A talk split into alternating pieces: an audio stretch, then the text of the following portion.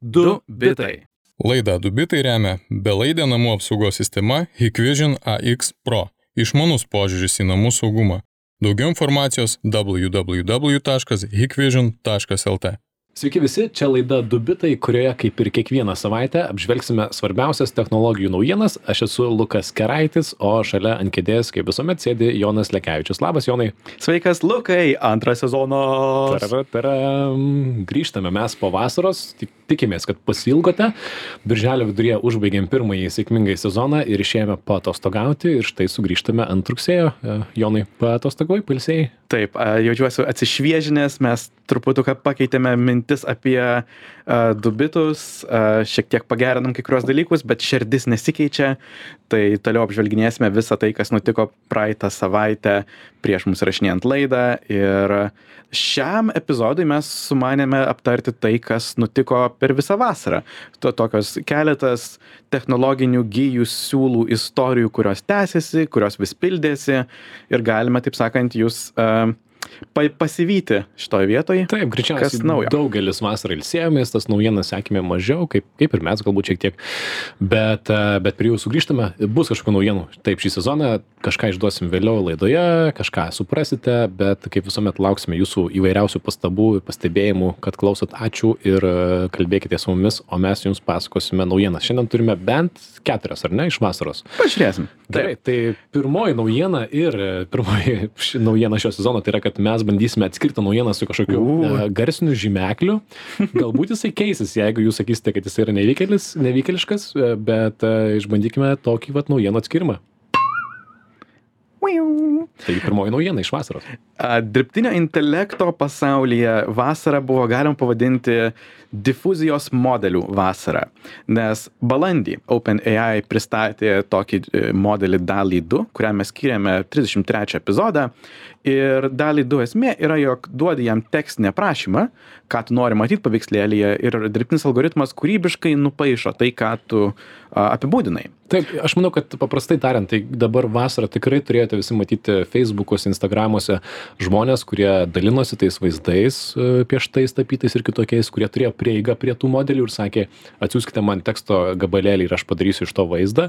Tad e, apie tai yra kalba, Mhm. ar ne? Kad OpenAI yra žinomiausias modelis, bet jų buvo daugiau ir jie visus, Visus 2, galima taip. pavadinti diffusion modeliais, kas man Taip. pačiam yra nauja. Difuzijos modeliais lietuviškai? Taip. Gerai. Ir per šius kelis mėnesius iš tiesų labai daug kas pasikeitė. Progresas tiesiog riste ritosi ir bėgo.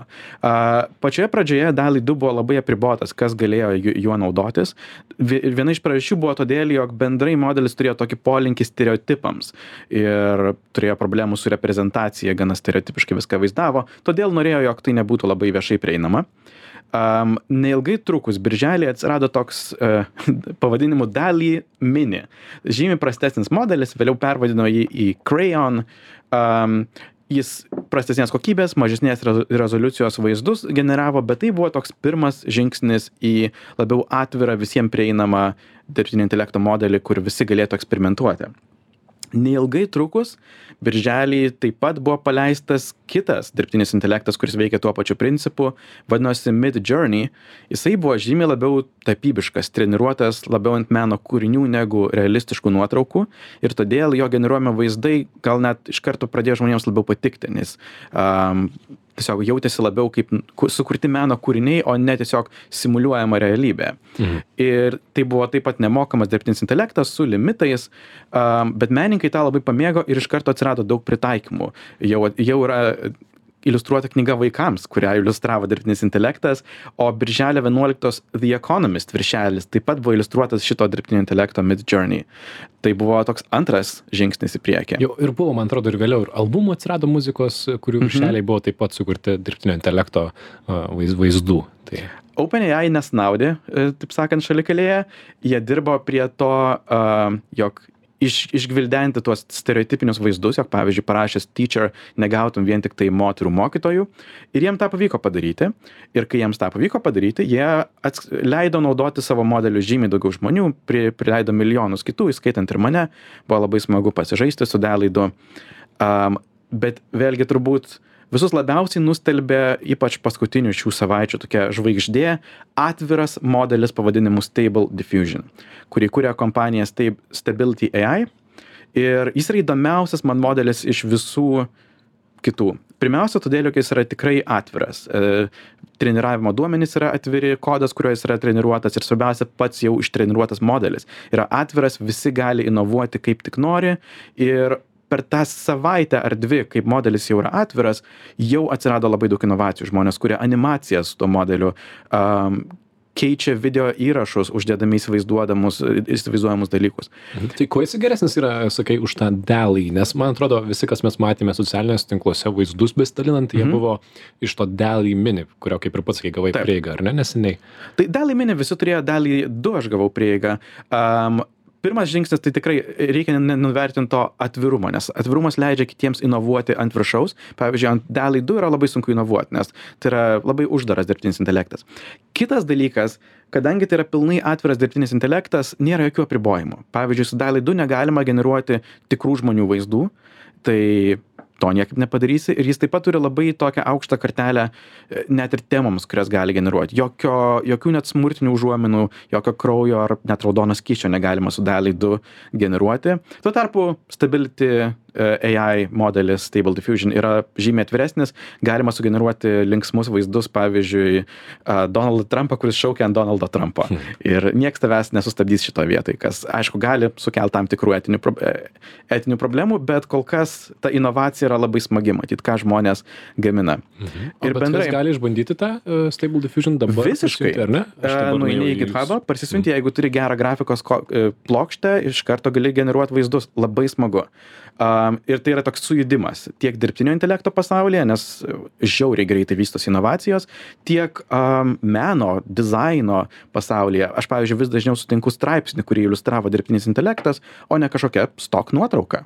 Mhm. Ir to bus tikrai tik, tik daugiau. Ir man tai atrodo, čia yra tas smagus momentas, kai mes galim pasakyti, kad štai esame tam momente, apie kurį kalbėjome, tikrai atsimenu, prieš keletą metų buvo apie tai kalbėta, kad, ei, žinot ką, gyvensime pasaulyje, kuriame dirbtinis intelektas darys paveikslėlius, ką jam pasakysi, nupieš tą jis ir nupieš. Ir dabar tai ir matome. Ir aš negaliu, nekantrauju, kada tai taps, na, įprasta, kai bus plakatai tuo kuriami, nes jau dabar jau tai kuriama, bet vis tiek reikia prieigų, dar reikia galbūt šiek tiek programavimo žinių, bet greitų metų tai bus sudaryti labai paprasta. Ir kai tai persikels į video pasaulį, aš sakiau, aš jau prieš penkerius metus jau, kad bus galima sukurti animacinį filmą, tiesiog parašant tekstą, kad štai eina pukuotas balandėlis ir jis sutinka meškiuką ir tau padarys animaciją iš to kažkada. Matant, kokiu neįtikėtinu greičiu vystosi šitas difuzijos modelių pasaulis, aš manau, po pusmečio galbūt Mm. jau galėsime į- įgyvendinti šitą, šitą fantaziją, jog tiesiog parašai scenarijų ir gauni animacinį filmuką. Taip, ir tu su manim dalina- dalinaisi labai smagiu video, galim įdėti į savo nuorodas, kur e, tiesiog, na, mergina eina ir ant jos yra generuojami nauji, nauji drabužiai, nauji rūbai. Tad jinai gali iš esmės, e, na, gali pažiūrėti, kaip atrodys naujas rūbas ant tavęs, jo nei nepasimatavęs. Ir labai labai Fantastika. kokybiškai, tikrai labai kokybiškai. Jeigu nekokybiškai, sakyčiau, me, bet, bet žiūri ir esi nustebęs. Tad štai, jeigu neišbandėte dar iš tų paveikslėlių e, patys generuoti, pageneruokite. Žinau, Lietuvoje jau planuoja atidaryti parodą meninę su šitais paveikslėliais, pirmąją dirbtinio intelekto, galbūt panonsuosim vėliau. Antroji naujiena, kurią turime apkalbėti po vasaros, yra Šį kartą tikrai tiko šitas e, suvingiavimas. Tai yra be, be abejo Elonas Muskas ir Twitterio istorija. Ir čia redakcija dviejų bitų atsiprašo už tai, kad paleidome antį praėjusiu metu balandį, kai kaip ir uždarėme šią istoriją. Kalbėjome, kad Elonas Muskas e, susitarė dėl socialinio tinklo Twitter įsigijimo už didžiulę sumą 44 milijardus dolerių. Um, sakėme, kad per pusmetį jis turi įsigyti, ne milijardų dolerių bauda. Uh, svarstėme, kam Elonui tas Twitteris, kaip jisai pasikeisis ir panašiai.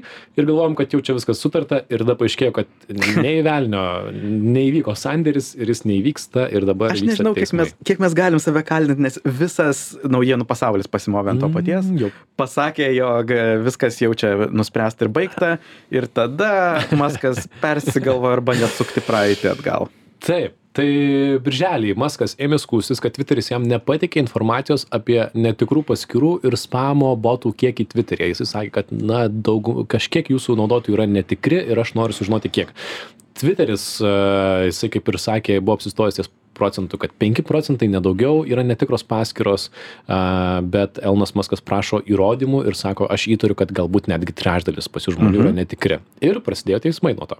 Oficialiai tas vyko, jog Maskas pateikė tokį oficialų raštą uh, Amerikos SEC tokiai agentūrai, labai oficialiai sakydamas, jog, na, noriu nebepirkti.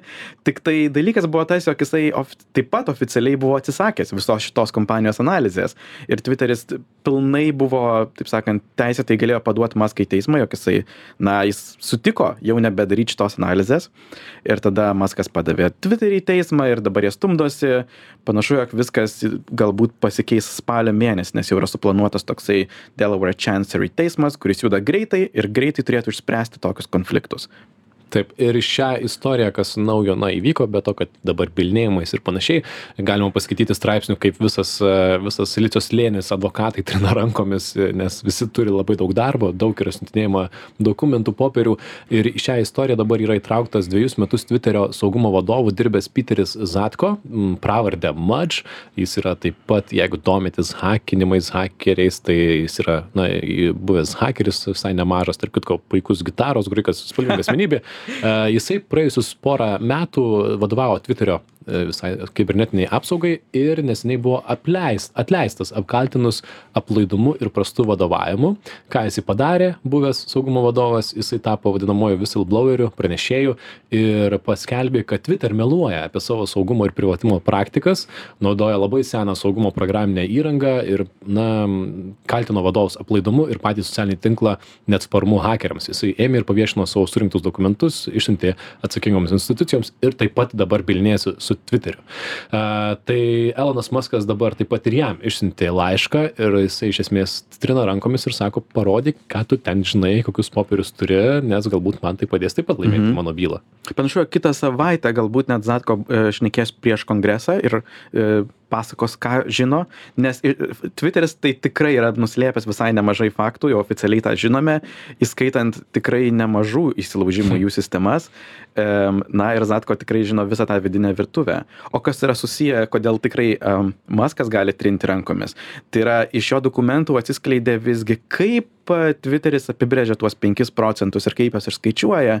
Ir vienas iš labai svarbių faktų yra panašu, jog prieš skaičiuodamas savo botų kiekį tviteris iš išskaičiavimų išima botų kiekį ir tam tikra prasme tai reiškia jog jie gali pasakyti jog yra du procentai pas juos botų. Mhm. jeigu į tą kiekį tu neįskaičiuoji tų botų kuriuos jau išmetei iš savo skaičiavimų tas penki procentai skai skaičius yra beprasmis. Galbūt iš tiesų trečdalis yra botų tiesiog tviteris pirma juos išmeta ir tada skaičiuoja tavo savo penkis procentus. Tai jeigu tai pasitvirtins gali būt jog visgi masko argumentas apie didžiulį kiekį botų iš tiesų yra teisingas. Taip ten yra tų velnių detalėse tikrai bet na aš pasakysiu labai tiesmukai. Man šiek tiek atrodo kad maskas ieško priežasčių ieško už, už ko užsikabinti bandydamas pabėgti iš šios sandėrio. Nors, Neabejotinai. Ar ne? Nes šią akimirką man atrodo, kad daugiau argumentų ir svertų yra Twitterio, Twitterio rankose. Ir akivaizdu, jog Maskas nori išvengti permokėjimo, nes šiuo metu Twitteris yra vertas žymiai mažiau negu jisai moka. Tai mhm. bus labai įdomus pasistumdymas spalį taip dar paminėsiu man labai įdomų faktą viena vienas iš zatko atskleidimų jisai pavyzdžiui savo dokumentuose nurodo kad indijos valdžia liepė tviteriui pastoviai darbinti indijos saugumo tarnybos žmogų. Apie tai tviterį buvo perspėjęs ir jungtinių valstijų saugumas. Ir visai lengva šitą istoriją patikėti nes vos prieš mėnesį nuskambėjo tai kad e, vienas žmogus dirbęs tviteryje buvo nuteistas už šnipinėjimą saudo arabijai. Jisai buvo atsakingas už partnerystes vidurio rytuose rytuose tviteryje ir rinko informaciją apie šalies disidentus. Tad tviteris tikrai turi turi tam tikrų problemų ir dėl ko pasiaiškinti. O dabar priminsime jums kad jūs klausote laidos du bitai aptariame svarbiausias savaitės technologijų naujienas pirmoji sezono laida ir trečioji naujiena kurią man buvo įdomu sekti, skaityti ir reikia šiek tiek priešistorės, šitokia moraliai, moralinės ir etikos klausimus paliečianti tema. Žodžiu, gegužės pradžia Junktinių valstybių aukščiausiasis teismas paaiškėja, kad yra pasirengęs panaikinti konstitucinę teisę į abortą Junktinėse valstijose. Valstijos dėl šios teisės galės spręsti kiekviena atskirai. Ši teisė galiojo nuo 73 metų bylos Roe vs. Wade, taip ir skamba šitą temą, Roe vs. Wade.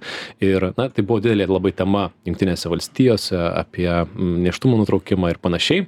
Sureagavo technologijų pasaulis į tai, nes kalbama, visi pradėjo kalbėti, kad jūsų duomenys gali būti panaudoti prieš jūs ir netgi pirmą kartą išgirdau tokį terminą kaip reproductive privacy yra reproduktyvumo privatumas. Tai pirmiausia, imtas svarstyti, ar moterų naudojamos menstruacijų sekimo programėlės ir jų duomenys, arba, pavyzdžiui, kontraceptikų naudojimo priminimai, vaisingiausių dienų sekimas, geolokacijos informacija, kurią renka šios programėlės, ar ji galėtų būti panaudota prieš jas. Ar teisėsauga galėtų priversti programėlės naudotoją, moterį, arba, pavyzdžiui, jos kuriejus perleisti tą tuos duomenis siekiant išsiaiškinti arba patikslinti ar buvo siekiama nutraukti nėštumą toje valstybėje kur kur tai yra draudžiama. Apie tai buvo mm, iškilus diskusija.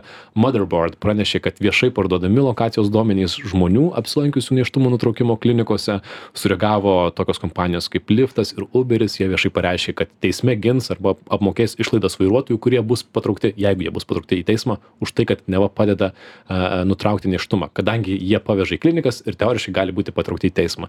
Google Maps reagavo, iš vietovių istorijos trins apsilankimus neštumo nutraukimo klinikose, taip pat ir kitose jautriose vietose. Bet, e, na, skamba galbūt perdėtai, bet kaip prašo MIT Technology Review, puikus tikrai e, portalas, nereta Junktinėse valstijose praktika, kai prie klinikų atvykusius pasitinka aktyvistai, filmuojantys veidus, automobilių numerius ir vėliau pagal tą informaciją atsekantys e, žmonės, jiems skambinantys, siunčiantys informacinius lapelius, atvykstantys patys pakalbėti, tai dabar jie galėtų susiekinėti teoriškai, kas atvyksta iš abortus mhm. draudžiančios valstijos. Su tuo yra susiję, jog dvi ar trys valstijos ne tik, kad uždraudė vėl abortus po šito konstitucijos straipsnio pakeitimo, tačiau net skyrė apdovanojimus tiems, kas sugeba surasti Taip. kažkokią moterį, kuri pasidarė abortą ir už tai gauti 10 tūkstančių dolerių premiją. Tas akivaizdžiai skatina tiek pavienius žmones elgtis taip įsiveržiant į kitų privatumą, tiek e, potencialiai technologijų kompanijas einant prieš savo vartotojus, kas yra tragiška. Taip, ir na, daugiau klausimų iškėlė negu atsakymų tikrai šitą temą. Pavyzdžiui, buvo filosofuojama, tai ar Facebookas turėtų drausti grupės, kuriuose kalbama apie neštumo nutraukimą arba vaistus nuo neštumo, jeigu tose grupėse lankosi žmonės kurie yra valstijose kurio kuriose nėštumo nutraukimas yra draudžiamas ar ne tai žodžiu sugrįžo platesnė diskusija apie duomenis kaip juos saugiau laikyti kaip programėlės kaupia duomenis kai kurie kai kurios programėlės paskelbė kad nuo šiol kaups duomenis telefone kas yra saugiau mhm. negu debesyje žodžiu kas gali kam perduoti duomenis ir ir na tikrai buvo karšta tema kuri šią akimirką šiek tiek nuslėgo nes jau tas įstatymas manau tokia viena iš geresnių išvadų iš tos istorijos buvo tai jog žmonės iš tiesų pradėjo skaityti tuos mhm. terms and conditions kuriuos paska paspaudžia varnelę neskaitė mhm. nes iš labai paaiškėjo visgi kurios programėlės kurios tarkim e, sekti savo ciklus am kokią informaciją saugo tik lokaliai ir o kas siunčia į serverius analizuoja ir potencialiai gali nutekinti ir aš labai sveikintinu šitą sugrįžimą prie iš tiesų supratimo kokiomis sąlygomis mes naudojamės technologijomis ir kokias teises turi kompanijos. Mhm. Man tai buvo labai įdomu, kad šioje temoje, na, kažkas įvyksta, yra priimamas naujas teisės aktas ir tada supranti, kad, o ne, ta programėlė, kurią aš naudojau, tie duomenys, kuriuos aš kaupiau apie save, jie gali būti staiga panaudojami prieš mane ir ką dėl to daryti. Tai a, tikrai buvo karšta tema šią vasarą a, visoje jungtinėje valstijoje, jungtinėse valstijose. Ir paskutinioji, ketvirtoji tema, kurią mes dar šiandien norime apkalbėti dviejose bitose.